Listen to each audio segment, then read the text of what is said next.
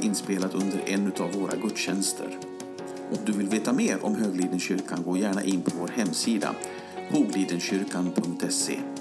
Vi finns också på Facebook, så gå gärna in där om du har möjlighet. Välkommen att lyssna och vi önskar dig Guds välsignelse.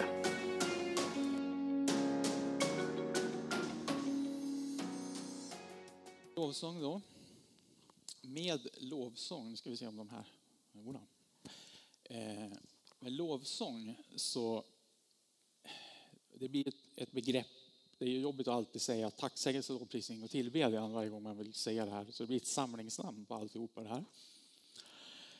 Eh, men vi menar lite slarvigt då, eller lite praktiskt kan vi säga, när, när vi säger lovsång så menar vi alla de här sakerna. Alltså att säga tack till Gud, att prisa Gud, eh, alltså att säga att han är så stor är vår Gud, det finns ingen som du, eller att tillbe Gud. Att komma inför hans gudomlighet och be till honom och böja sig inför honom. Och allt det där kan man ju göra även utan musik. Man kan ju göra det muntligt, man kan göra det i sin tanke, sin, i, i sitt hjärta. Men lov, när vi kallar det för lovsång, ja då har det med musik att göra. Så antingen sjunger vi det, eller vi spelar, eller både och. Så har någon, någon typ av musikaliskt uttryck. Och lite tankar som kan komma är ju om den här funkar. Vi ska testa. Jag sa jag dricker, behöver lite vatten också. Jag kan prova att ställa den här och se när det går. Vi testar igen.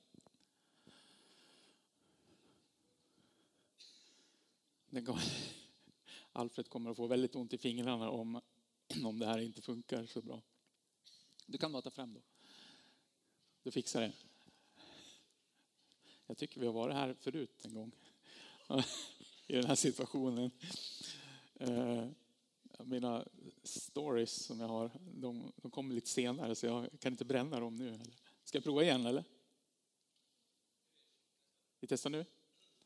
Okej, okay. så där. Vi kör. Wow. Bra. Alfred Jonsson. En fantastisk kille. Eh, Okej, okay. lite frågor man kan ha då. Alla av oss har inte de frågorna. Alla, alla, alla vi som är här har inte alla de här frågorna. Men lite diskussioner som man kan ha. Är lovsång nytt eller gammalt? Är det en ny musikstil?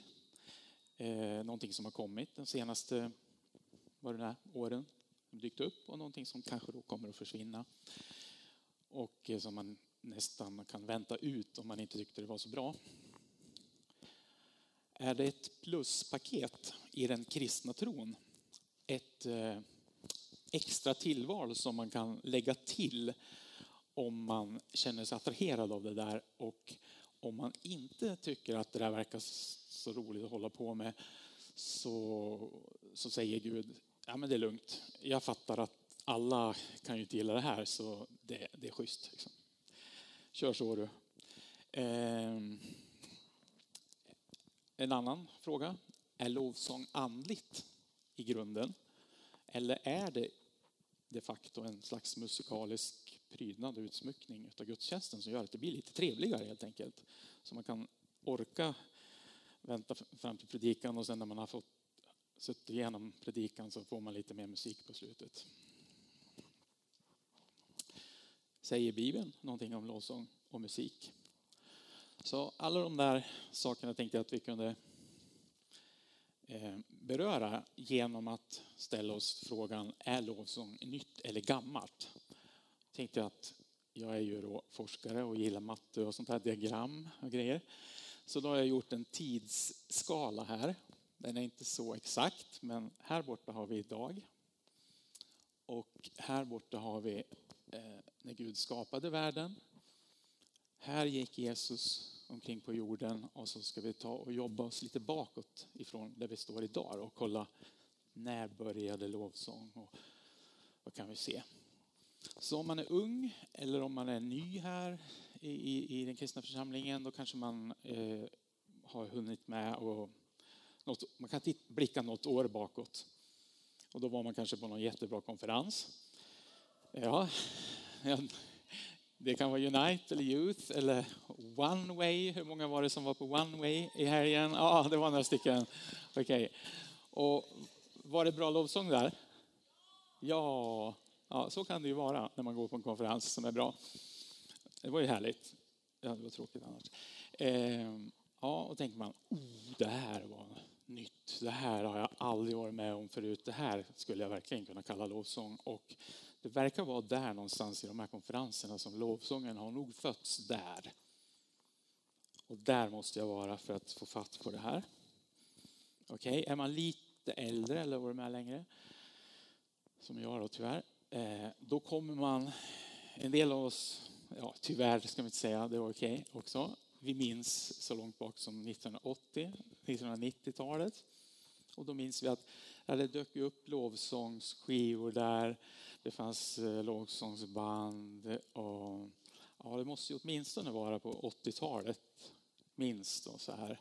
En del tycker inte att det här är så spännande, för ni vet ju liksom. Men vi spoilar inte för grannen då, som jag sa förut. Ehm, jag kommer faktiskt ihåg 1970-talet eh, till och med och då var jag så här 10-12 eh, och föräldrarna tog med mig på några grejer där det var unga vuxna som stod och sjöng det som kallades för körer då. Men om man tittar på det så var det ungefär samma sak som lovsångarna vi sjunger idag. Det var lite kortare text faktiskt och så körde man dem 15 gånger istället för fem kanske som vi kör idag. Men på det stora hela så var det lovsång det också. Och jag höll faktiskt på med lovsång på 90-talet, eller 89 till 91 så var jag i ett band som åkte runt då. Och eh, vi var också ute på skolor, men vi, vi ledde också lovsång på just sådana här konferenser, tror det eller ej, ungdomar. Eh, men då gjorde vi det. Och eh, jag vet inte, jag ska skämma ut Emma-Louise här och berätta att på en sån här nyårskonferens då, vi tyckte vi var ganska coola också, jag ska komma till det. Eh, så en nyårskonferens eh, i Nässjö då, så hade jag fått låna av vår ljudtekniker ett par såna här randiga, det säger ingenting för ungdomarna, men för de äldre så här Rod Stewart tajta Rod Stewart jeans. Ja, men det var också, det var, fanns mycket annat i det vi gjorde, så vi, vi, vi ledde faktiskt lovsång. Eh, men vi tyckte vi var lite coola så här. Och när man höll på med det där då tänkte man, ja men nu håller jag på med någonting som är nytt. Det här har säkert ingen gjort före mig. Eh, och vi är liksom i, i frontlinjen för någonting som aldrig har hänt förut. Och, alltså, jag kanske inte riktigt trodde det, men delvis så känner man, känner man lite så. Men man eh, får ju sällan ha kvar alla sina vanföreställningar, inte ens, man får inte ha dem i fred, inte ens i sin egen familj. Så min mamma då efter, jag kommer inte ihåg om det var samtidigt på slutet på det där, hon observerade alltihopa och tyckte det var kul att jag gjorde det här. Eh, men någon gång i alla fall senare så visade hon mig lite tidningsurklipp från hennes ungdomstid.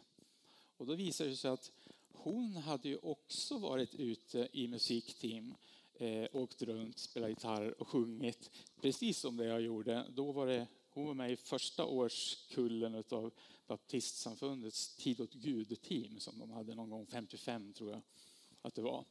Så då, det kanske inte var riktigt lovsång men det var det nog, delvis i alla fall. Eh, för, eh, för, ja, de sjöng ju sånger som lovade Gud så det var ju alldeles eh, utan tvekan lovsång. Så då är vi på 50-talet. Sen vet vi att runt 1900 så där och där är väl ingen ändå här som, som minns, va? men kanske någon som minns strax efter. Jag vet inte. Eh, du får berätta mer då. Men alltså, vi vet att det var väckelser då, pingstväckelsen bland annat, och det är olika skeenden och då brukar det födas sånger och det gjorde det då också.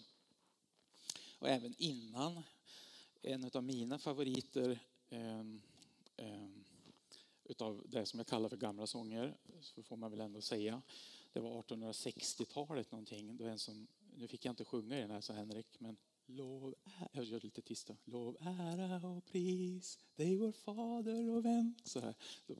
Jag skyller på att när man sjunger tyst så låter det inte så bra.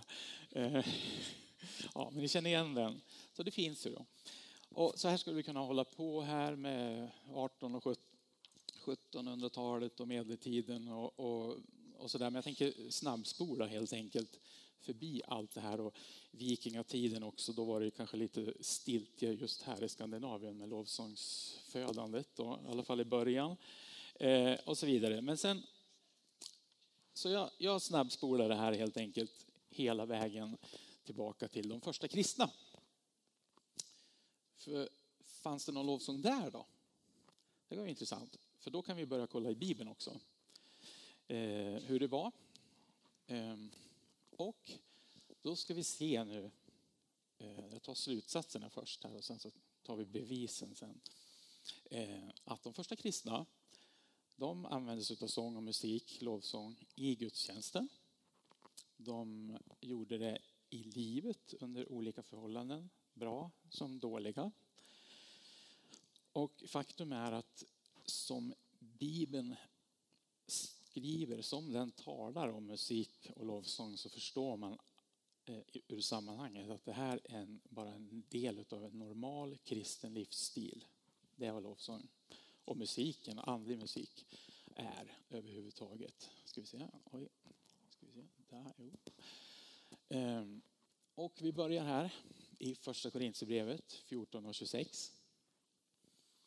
Och då har det varit en liten utläggning om att det ska vara lite ordning på gudstjänsterna och med de andliga gåvorna. Och, eh, det pratas om att jag vill be i min ande, men jag vill också be i mitt förnuft. Och sen nästa andetag, jag vill sjunga med min ande och eh, sjunga med mitt förnuft. Och så landar man här, så det är lite längre sammanhang. Men eh, det landas då i att, men hur ska det vara då? Jo, när ni samlas, då har var och en något att ge. En psalm, så där har vi då musiken, lovsången. Ett ord i undervisning, en uppenbarelse, ett tungotal och en uttydning. Låt allt bli till uppbyggelse. Så det är ju då eh, uppmaningen att när ni har gudstjänst, och här var det kanske mycket i hemmen också, men då hade man bland annat hade man en sång. Någon hade en sång och någon hade någonting annat att bidra med i gudstjänsten.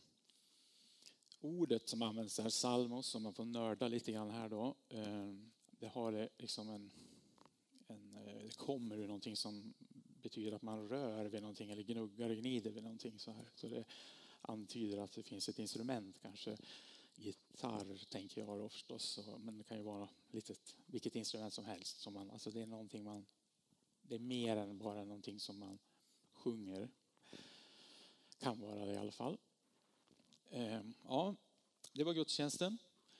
Sen i livet i allra största allmänhet, som jag tolkar det här i alla fall. Och då börjar vi när det går bra. Då står det så här i Jakobs brev 5 och 13. Får någon av er lida ska han be. Är någon glad ska han sjunga lovsånger. Så det är Bibelns uppmaning att eh, vår respons på när, när, vi, när, det, när det är bra, när vi är glada, det är att vi ska sjunga lovsånger. Eh, och det här, eh, jag tänker att det inte talar specifikt om gudstjänst utan det här är hela livet. Så, så, så tänker jag om det här bibelstället. Ja, men då är det ju lätt. Och här skulle man nästan kunna tänka sig att det står när ni lider ska ni inte sjunga lovsånger. Men Bibeln har ju mer än en vers. Och det är summan av Guds ord som är sanning. Eh, så då har vi, ja här var också det här sall och det är också det här med något instrument. Men då har vi eh, ett annat exempel från Bibeln och det är när det var lite jobbigare. Och nu har vi Paulus och Silas. De har varit i någon stad och lyckats reta upp befolkningen där genom att hjälpa en, en flicka som var bunden av en spådomsande. Och då retade, och hon tjänade ganska mycket pengar åt silversmeder som gjorde avgudatempel. Eller vad det så. Och eh, då var de väldigt arga när hon blev befriad från den här spådomsanden. Så då släpar de de här och så pryglar de dem först. Spö på ryggen antar jag.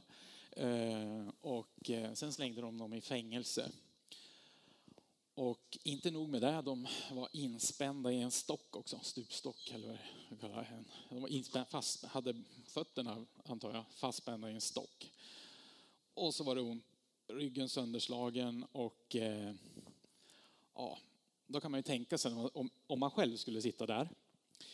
Om det vore jag, kan vi säga, då, och så hör man liksom, det blöder på ryggen och det gör jätteont och min kompis där och sen springer det råttor liksom bakom den sunkiga fängelsehålan så jag hoppas att det ska ramla någon köttslamsa från ryggen som de kan mumsa på och sådär. Och så, eh, jag vet inte, ska jag fortsätta? Det kanske men, nej, men eh, otrevligt väldigt då. Och eh, då skulle, om det vore jag, tror jag, nu får vi kolla med Katja här, då kunde det låta så här att Tänk att det ska vara på det här viset. Ja, ja, varenda gång jag driver ut spådomsandar från flickor som eh, tjänar pengar åt silversmeder så blir det så här. Och, ja, jag tycker att det är fel faktiskt. För jag hade ju bestämt mig för att jag skulle tjäna Gud och, och så blir det så här typiskt varenda gång.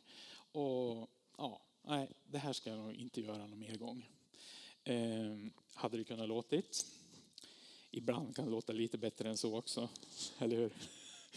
Men, eh, men det skulle kunna låta så. Men det gjorde inte de. Utan eh, det står att vid midnatt så var Paulus och Silas i bön och sjöng lovsånger till Gud. Och de andra fångarna hörde. Och det ordet eh, som står här då, grundtexten, det är hymneo. Eh, ett verb tror jag då, som betyder att, indirekt i alla fall, eh, på engelska celebrate God. Att fira Gud och hylla Gud med en sång. Eh, så det var vad de gjorde i den här situationen och det var ju starkt gjort. Och det hände ju grejer också då. Det var ju lite intressant. Det gick inte så bra för det fängelset, eller hur? För plötsligt kom det ett, ett kraftigt jordskalv. Och sen fängelsedörren slogs upp och bojorna, Eh, allas bojor föll av stod det. Det var inte bara deras, de här två, utan allas bojor föll av. Och här kan man ju förstås ta med sig mycket från det, eller hur? Vi sjunger lovsång, det händer saker. Vi själva blir satta fria och andra i den här lovsången blir också berörda. Och, och, det finns kanske lite olika sätt att se på det där, men jag tänker så här att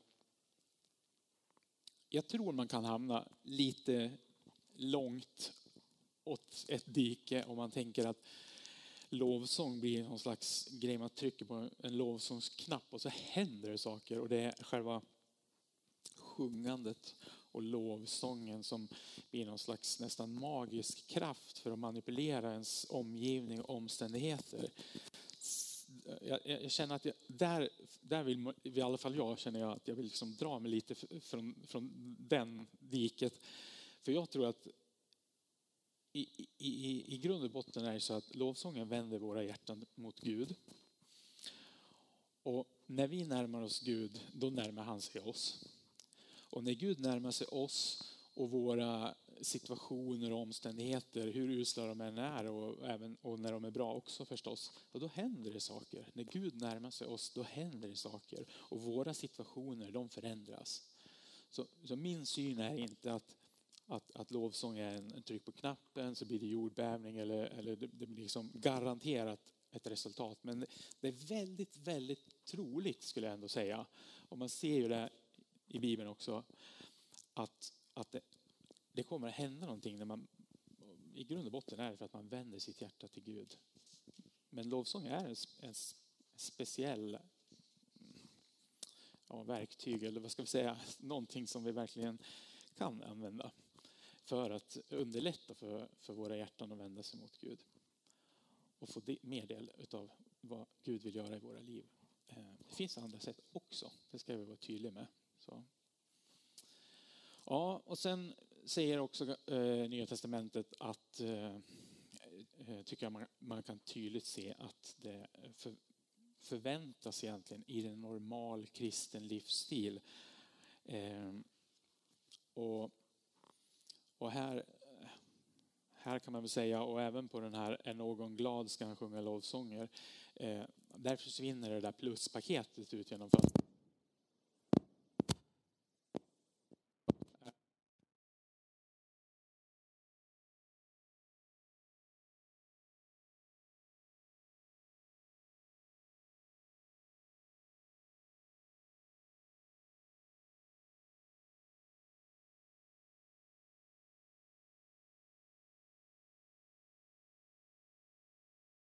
Då testar vi. Ja. Där försvann, eh, var var vi någonstans? Jo, men eftersom uppmaningen att när man är glad ska man sjunga lovsånger, det gäller väl alla får vi tänka. Eh, alla som är glada i alla fall. Eh, och då försvinner det här med tanken med lovsång som ett pluspaket och ett extra tillval som man kan ha eller inte ha, försvinner lite grann. Och eh, det tycker jag också att det gör Eh, i det här med normal kristen livsstil. Nu ska vi gå till ett ställe i Efesierbrevet som är ett väldigt långt, en väldigt lång passage som ja, väldigt långt i förhållande till vad man vill läsa på, på en predikan. Eh, så det tänker jag inte göra. Ehm, eh, men där, där, man pratar om den gamla och nya människans livsstil, vad som man kan förvänta sig för livsstil som kommer ut som en, som en frukt av att man har gett sitt liv till Jesus och så vidare. Och då är det eh, i det här och det andra som jag, eh, bibelstället som jag ska läsa, då pratar man till, om saker som att den som eh, är tjuv ska sluta stjäla och, ja, man ska vara ärliga och, och, det är olika saker så här som kommer upp. Och det är som sagt ett ganska långt stycke och så kommer man förbi det här med, med lovsång eh, musik, andlig musik och så vidare. Man sveper förbi, man gör det inte större än allt det andra, man gör det inte mindre heller. Eh, och eh, eh det bara helt enkelt är den mest naturliga sak i världen för en kristen människa. Så, så läser jag det här stället. Så har man pratat om många, många andra saker Eh, men man landar in här, eller man kommer förbi här då, så säger man se alltså noga till hur ni lever. Jag kortar lite här också. Vi ska inte vara oförståndiga. Vi ska inte berusa oss med vin. Utan låt, låt er istället uppfyllas av anden så att ni talar till varandra med salmer, hymner och andliga sånger. Och sjunger och spelar för Herren i era hjärtan. Tacka alltid vår Gud och Fader för allt och så vidare. Så, eh, så det här är ett sådant ställe där man pratar om många saker som är kristen livsstil och det här är en del av det. Eh, mm. Och ett annat ställe då i Kolosserbrevet 3 och 16 är i princip, säger i princip samma sak, använder samma ord i grundtexten också. Eh, så väldigt lika. Så här kan vi vara man behöver bara ett ställe i Bibeln för att vara säker på att det är Guds ord. Men det här är dubbelt, dubbelt så mycket. Så här har vi två, samma sak två gånger. Låt Kristi ord rikligt bo hos er med all sin vishet. Undervisa och förmana varandra med salmer, hymner, andliga sånger. Och sjung med tacksamhet Guds lov i era hjärtan. Man snuddar här lite grann vid någonting som, som jag inte ska prata om idag. Eh, men det är att man undervisa och förvana varandra med salmer och hymner, det är kanske inte riktigt vad vi skulle säga lovsång. Det är kanske musiktjänst som möter behov, skulle jag säga.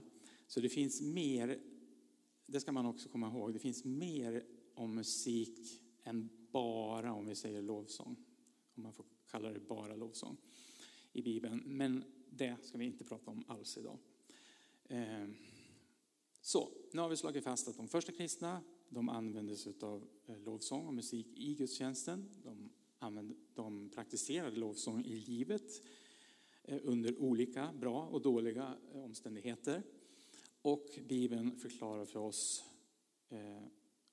att vi använder oss av psalmer, hymner, andlig sång som en helt naturlig del tillsammans med mycket annat som vi kan förvänta oss av det kristna livet. Okej, okay. det var de första kristna. Jag ska bara snabbt titta på eh, Jesus själv. Bara för att eh, kolla om hur det var med lovsång och Jesus själv. Eh, och det är bara under, det står bara helt kort. Och det är under den sista påskmåltiden, vilket är den första nattvarden också. I slutet på den då så står det att de sjöng en lovsång och sen gick de till Olivberget. Så, så här står det på två ställen. Samma berättelse. Då. När de hade sjungit lovsången gick de ut till Olivberget. Så man ser att um, Jesus och hans lilla grupp av lärjungar, de gjorde det också. Det var liksom självklart. Och det här är antagligen en lovsång som, som man kanske använde normalt när man firade påsk, den judiska påsken. Ja, då har vi gått så långt tillbaka som man överhuvudtaget kan gå om vi ska bara titta på det som är strikt kristet, kan man väl tänka kanske. För här var ju Jesus då och innan dess så var det ju inte vår religion om jag får uttrycka mig så hemskt på ett sätt då. Men egentligen så är det ju så här, vi har ju ett arv som sträcker sig längre än så. Så vi delar ju arvet med Israel och med det judiska folket, det som är beskrivet i Gamla Testamentet. Det är också en del av vår historia, den kristna församlingens arv och historia. Så nu ska jag göra, och nu blir det två mm, riktiga nedslag, men eh, i stort sett. Sen, sen ska jag vara klar då, ifall att någon funderar på det. Eh, nu tänkte jag hoppa tillbaka. Så börjar jag från den här sidan istället. Så långt bak i tiden som vi kan komma. Och då ska jag snabbt bara nämna en person. Då dyker det upp en person här. Den första musiken som nämns överhuvudtaget i Bibeln. Bara för att göra tidslinjen lite komplett så här. Då är det en person som heter Jubal. Och om man räknade nu i Kains stamtavla som det stod uppräknat där i första Mosebok, då kan man se att det här är Jubal, han är den sjunde generationen efter Adam och Eva. Jag vet inte om det har någon betydelse, men jag nämner det i alla fall. Det är i alla fall, jag ville räkna hur, hur långt ifrån Adam och Eva det var. Eh, och det var väldigt tidigt kan vi väl säga i mänsklighetens historia så omnämns den här personen Jubal. Men det står inget, inte något väldigt spännande. Det står bara att han blev stamfader till alla de som hanterar harpa och flöjt. Det är inget som, man kan inte förstå det som att det en lov, handlar om lovsång. Det kanske det gjorde, men, men det kanske var bara ett gäng musiker. För hans bror han blev stamfader till de som bodde i tält och skötte boskap. Eh, Okej, okay. men den första riktiga och tydliga lovsångsreferensen som finns i Bibeln då, då har vi Mose och Miriam som sjunger en varsin sång. Och det här är alltså efter att man har blivit frisläppta. Gud har sett till så att man har blivit fria från slaveriet i Egypten. Och, men det, det, det var ju en lite knölig väg kan vi säga att bli helt fri. För att när de, även fast de hade gått iväg så fanns det ju saker som ville att de inte skulle komma tillbaka till det här slaveriet. Och nu säger jag lite så här för att det kan ju vara, jag kan ju göra lite andra paralleller, det kan du få göra själv i huvudet. Men ehm, då, då gick de i öknen där och sen, eh, sen så började farao och egyptierna började komma på att varför släppte vi iväg dem egentligen? Då hade de ju glömt alla de här plågorna och allt det här eh, trycket som Gud la på dem kan vi säga för att de skulle släppa släppa folket fria. Eh, så tänkte han, nej, vi, vi ska nog jaga fatt de här. Så, så farao skickade ut en armé eh, som skulle, jag vet inte faktiskt, eh, jag förstod inte om, om han skulle ta tillbaka dem, jag tror det, för att de ville väl ha tillbaka slavarna, eller om de skulle döda dem. Eh, men i alla fall, så folket de kommer fram, ni kan den här historien, man kommer fram till Röda havets strand. Och där är det stopp. Där är ett hav. Bakom har man en ilsken, i alla fall farlig, dödligt farlig armé. Och så börjar de tänka som de gjorde en hel del gånger att varför har vi har ni tagit ut oss hit för att dö? Eh, jag känner ett visst sympati för dem, för ibland kan, kan man ju känna sådär själv. Eh, och Men då, då säger Gud till Mose att eh, sträck ut din stav över vattnet, så delar Gud på vattnet så att de kan gå rakt igenom havet. Så kommer ju då egyptierna och så tänker de, ja, en väg rakt genom havet, den tar vi. Eh, men det gick ju inte så lika bra för dem, eller hur? För när israeliterna hade kommit till andra sidan, ja då släppte Gud tillbaka vattnet. Och det står att inte en enda ur den här hären överlevde. Och då står de där och så är de, vet de att nu är vi fria, för nu finns det ingen som kan komma och, och dra oss tillbaka till det här slaveriet. Vi undkom döden ifall det var där de hade i åtanke. Och då, då sjunger man två lovsånger, som är de första, som vi kan se. Och då, sjunger, då är det först Mose som sjunger en sång. Och, vi kan, eh, och sen Miriam som sjunger ungefär samma sång. Eh, eller hon sjunger refrängen som det ser ut på den sången. lite kortare och lite mer ös ser det ut att vara, om jag ska säga. Och eh, Mose då, om vi ska säga, har en lång vers, vi kan kalla den fördjupande text. Eh, så, och det fanns ju mycket att, att, att, ta med och berätta i den här sången också. Så det är inget så, men eh, den kanske hade känts lång ändå om man hade skrivit den idag. Eh, Mose då sjöng Mose och Israel, Israels barn denna lovsång till Herren. Jag vill lovsjunga Herren, till högt är han upphöjd. Häst och ryttare störtade han i havet. Herren är min starkhet och min lovsång. Han blir min frälsning. Och sen kommer den här fördjupande delen då, som är lite längre. Eh, vad gjorde Miriam? Ja, hon tog en tamburin i handen. Det var därför jag tog med den då. Men jag vet inte om jag ska visa riktigt. För... Ja, hon tog en tamburin i handen och eh, alla kvinnorna följde henne med tamburiner också. Då. Eh, och dansade och Miriam sjöng för dem. Lovsjung Herren, ty högt är han upphöjd, häst och ryttare störtade han i havet. Så om det var en annan melodi, det vet jag inte, eller om de bara fortsatte där och tog som en sån här, ett stick eller en extra, körde refrängen helt enkelt. Men de, eh, tamburiner och dans. Då tänker jag så här att den där är ju lite intressant då, för att tror, man pratar om olika stilar och sådär och man tänker så gärna att när det är något kristet eller religiöst, så säga, särskilt om det är religiöst, eh, då, då ska det ju vara lite sakralt och så. Men jag har ju väldigt svårt, alltså vi vet ju inte för det finns ju inga bilder där. Och eh, vi skulle ju gärna haft något Youtube-klipp eller så, så vi hade kunnat sett vad de gjorde. Men vi har ju inte det. Då får man, då får man gissa och spekulera lite grann och så kan man ju ha fel då. Men jag tänker så här att om Gud precis hade förgjort en armé som var ute efter mig och döda mig eller dra mig tillbaka till ett eh, obegränsat slaveri. Så skulle min dans kanske inte vara så här jätteförsiktig. Eh, det tror jag inte faktiskt. Utan, och om någon tar en, en tamburin och en puka och, drar ut här, då skulle det vara åtminstone lite mer på den här nivån. Och kanske mer ändå. Så jag tänker att att det här är... Vi kan ta, ta and, det finns andra här som skulle kunna göra det lite yvigare utan att det, att det ser konstigt ut. Ehm, så, så där tänker jag mig att här har vi ett, ett, ett, också ett tillfälle när det var ganska bra ös på lovsången. Ehm, man kan ha fel om det, men jag tror att det är rimligt att tro.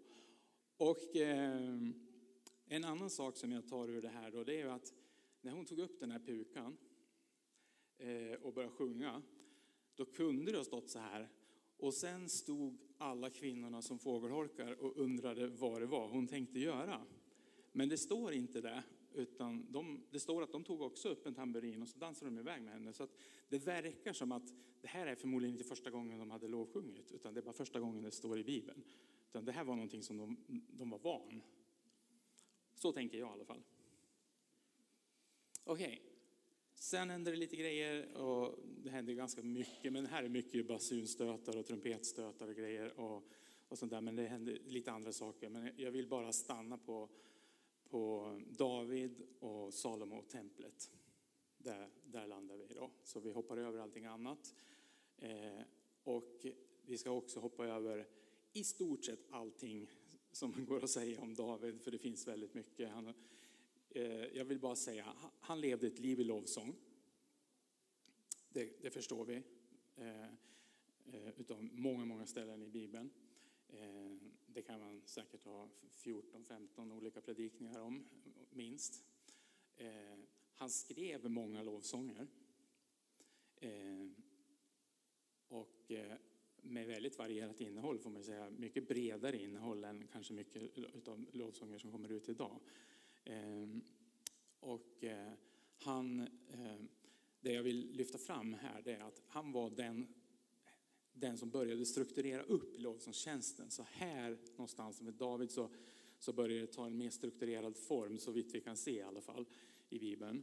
Och ehm, han hade ju önskat att få bygga templet. Det ville han jättegärna, men Gud hade talat om för honom att, att det, det, blir din son som ska bygga templet. Det blir inte du. Så då var han ju väldigt ivrig. Han hade ju sin, de, de, levde ju till, eh, de, de levde ju samtidigt under en tid. Då. Så då var han väldigt, väldigt ivrig. Och det är ungefär som om jag hade fått höra från Gud att Emma-Louise eller Lukas ska bygga ett tempel som jag egentligen ville göra, då skulle man ju börja lägga sig i ganska mycket. Då. Eh, och, tänka. och han tänkte faktiskt, inte för att jag någonsin skulle tänka det, men att Salomo kändes lite klen sådär, undrar om han klarar att bygga ett sånt här stort hus. Eh, det står det. Eh, och eh, ja, och då höll han på och förberedde där och han fick eh, också direktiv från Gud hur det skulle vara. Så han förberedde både material och byggare och olika saker. Men framförallt här då som jag vill ta det att han gav direktiv för hur lovsångstjänsten skulle, skulle vara i templet. Och han utsåg lovsångare som skulle göra tjänst. Och han såg till att det tillverkades instrument som skulle användas i templet. Så han, han, jobbade, han gjorde allt han fick göra kan vi säga. Eh, och sen hade Gud bestämt att det var Salomo som, som skulle, skulle bygga ändå. Då. Eh, så han var ju väldigt engagerad i det här. Och om, nu, nu ska vi titta eh, på lovsångarna här som näst sista eh, grej. Eh, lovsångerna bestod eh, framför allt av tre familjer. Eh, det var Asaf, Heman och Jedutun och deras bröder och söner. Eh, och det som är karaktäristiskt som Bibeln nämner om de här, det var inte att de var supertajta. De kunde spela vad som helst på gehör. Och de hade turnerat med alla då kända musiker. Eh, men det kanske var så men det var inte, inte det som Bibeln lyfter fram om de här lovsångarna. Eh, Bibeln lyfter fram att de hade en profetisk gåva till att göra den tjänst som de skulle ha. Och eh, det, det översätts lite olika i olika svenska översättningar. En jag översätter med att de hade profetisk anda till att spela på harpor och saltare och cymbaler. Den folkbibeln som jag använt här, den skriver mer likt, som det står på engelska, att de, var, de tjänade som profeter med harpor, saltare och cymbaler. Eller att de profeterade på kungens uppdrag, men i samband med den här tjänsten då. Eller att eh, Jedutun till exempel står det att han profeterade med tacksägelsesånger och lovsånger till Herren. Så här i alla fall, om inte annat, så ser vi att om vi tar det här med, är det dekor, eh, utsmyckning av gudstjänsten eller är det i grunden någonting andligt? Här har vi väl ett ganska tydligt svar på den, den frågan. Eh, lovsång, jag tror vi hade fattat det redan innan, men, men lovsång är ju i grunden någonting mycket, eh, i, i sitt själva väsen, eh, i, första, första hand någonting andligt, även om det har en musikalisk dräkt. Eh, de om de här då stod det att, och deras bröder och alla, så var det totalt 288 stycken de var utbildade i lovsång, som var utbildade i lovsångstjänst. Och om dem stod det att de turas om att göra tjänst och de kastade lott så att, så att både den som de kallar var kunnig och den som var lärjunge, alltså nybörjare, eh, turades om att göra tjänst. Och här ser vi att det hade inte så jättemycket att göra med skickligheten då. För man fick vara nybörjare och, och, och rotera i tjänsten där. Av det förstår vi det. Så det som var karaktäristiskt och det viktiga var att de hade ja, en smörjelse, en profetisk smörjelse att göra det här. Och det fanns också ytterligare 4 000 leviter som skulle sjunga tillsammans med de här. Så såg lovsångstjänsten ut. Och vad gjorde de då? Nu ska vi ta, det här blir det sista här kan vi säga. Eh, vad, vad, hände i den här lovsångstjänsten? Jo, när, de, när Salomo hade byggt färdigt templet så skulle de föra in eh, förbundsarken som symboliserar Guds närvaro. De skulle få ta sin rätta plats, Guds närvaro kan man säga, skulle få ta sin rätta plats i templet. Och då hade de samlat på, och då hade de ju dragit på lite extra kan man säga, för att de hade utöver alla de här lovsångarna, som kanske normalt turades om, men jag gissar att ingen ville vara hemma då och vara ledig, så kanske alla var där, jag, jag vet inte säkert, men jag tror det. Eh, och sen hade de tagit dit 120 präster också, som skulle blåsa i trumpeter. Och så hade de alla de här instrumenten och sångarna och grejerna. Så ni förstår att det var ganska stark lovsång i, även i ljudbemärkelse. Då. Och då står det så här, nu blir det lite långt att läsa då. Man, eh, du får läsa, titta med eller blunda ska jag läsa här. När leviterna, samtliga sångare, Asaf, Heman och Jedutun med sina söner och bröder stod klädda i vitt linne med cymbaler, saltare och harpor öster om altaret. Och tillsammans med dem 120 präster som blåste i trumpeter.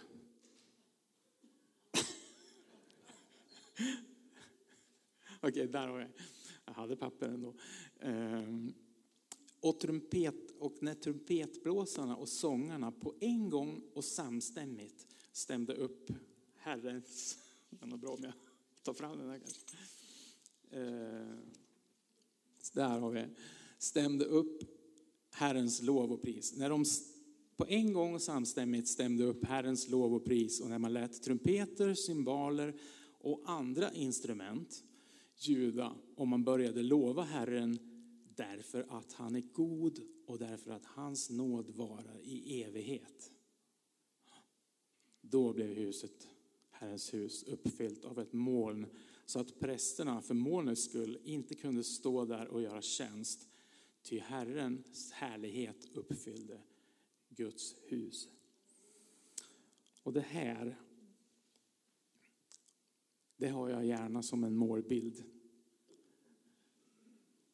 det här är visserligen ett väldigt speciellt tillfälle när arken förs in i templet.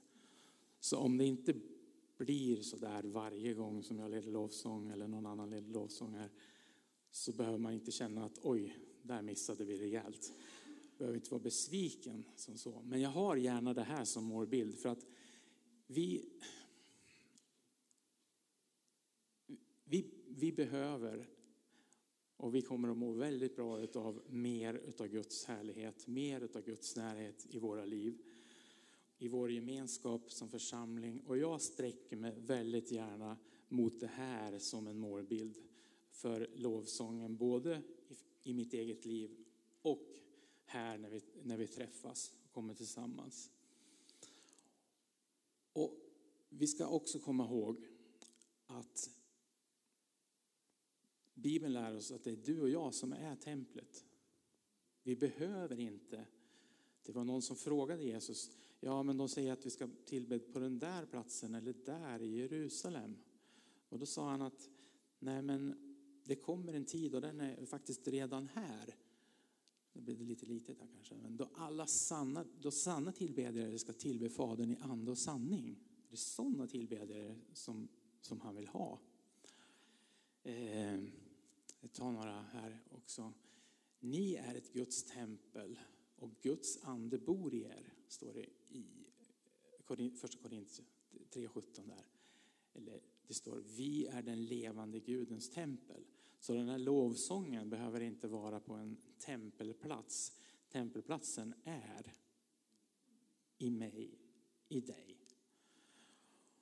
Och där kan vi också sträcka oss efter att se mer utav Guds härlighet. Eh, och eh, ja, vi, vi, vi, får göra det tillsammans helt enkelt. Jag vet att jag vill sträcka mig efter det och jag tror att många, många här vill göra det. Och du, du, du kan spela om du vill. Eh, eh, en absolut förutsättning för att man ska kunna ha Guds ohämmade närhet och härlighet i sitt tempel här inne. Det är ju att man har tagit emot Jesus som sin Herre och Frälsare. Eh, och vi, kommer att ha, vi kommer att bjuda in till förbön nu. Så förbedjare kan komma fram redan nu. Eh, ni kan börja, ni kan göra det ordning och komma fram. Och, så det, jag vill säga först till dig som kom hit kanske idag och har bestämt dig för att jag vill ge mitt liv till Gud idag. Jag vill ge mitt liv till Jesus idag. Kom du hit för det, kanske satt igenom den här predikan och tänkte vad är det här liksom? Eh, så finns en möjlighet nu. Du kan komma fram, någon kan be tillsammans med dig. Eh, eh du kanske vill förnya dina din överlåtelse, dina löften till Gud. Eller du kom hit med något bekymmer, stort eller litet, eller precis vad som helst egentligen. Så eh, vi ger ett tillfälle nu. Vi tar en liten stund där, vi, där man kan komma fram, får någon få be, be för dig, välsigna dig. Om du inte har något särskilt, men skulle ändå tycka att det var fint om någon bara välsignade mig. Eh, så vi gör det. Eh, välkommen fram förebedjare. Eh, och välkomna fram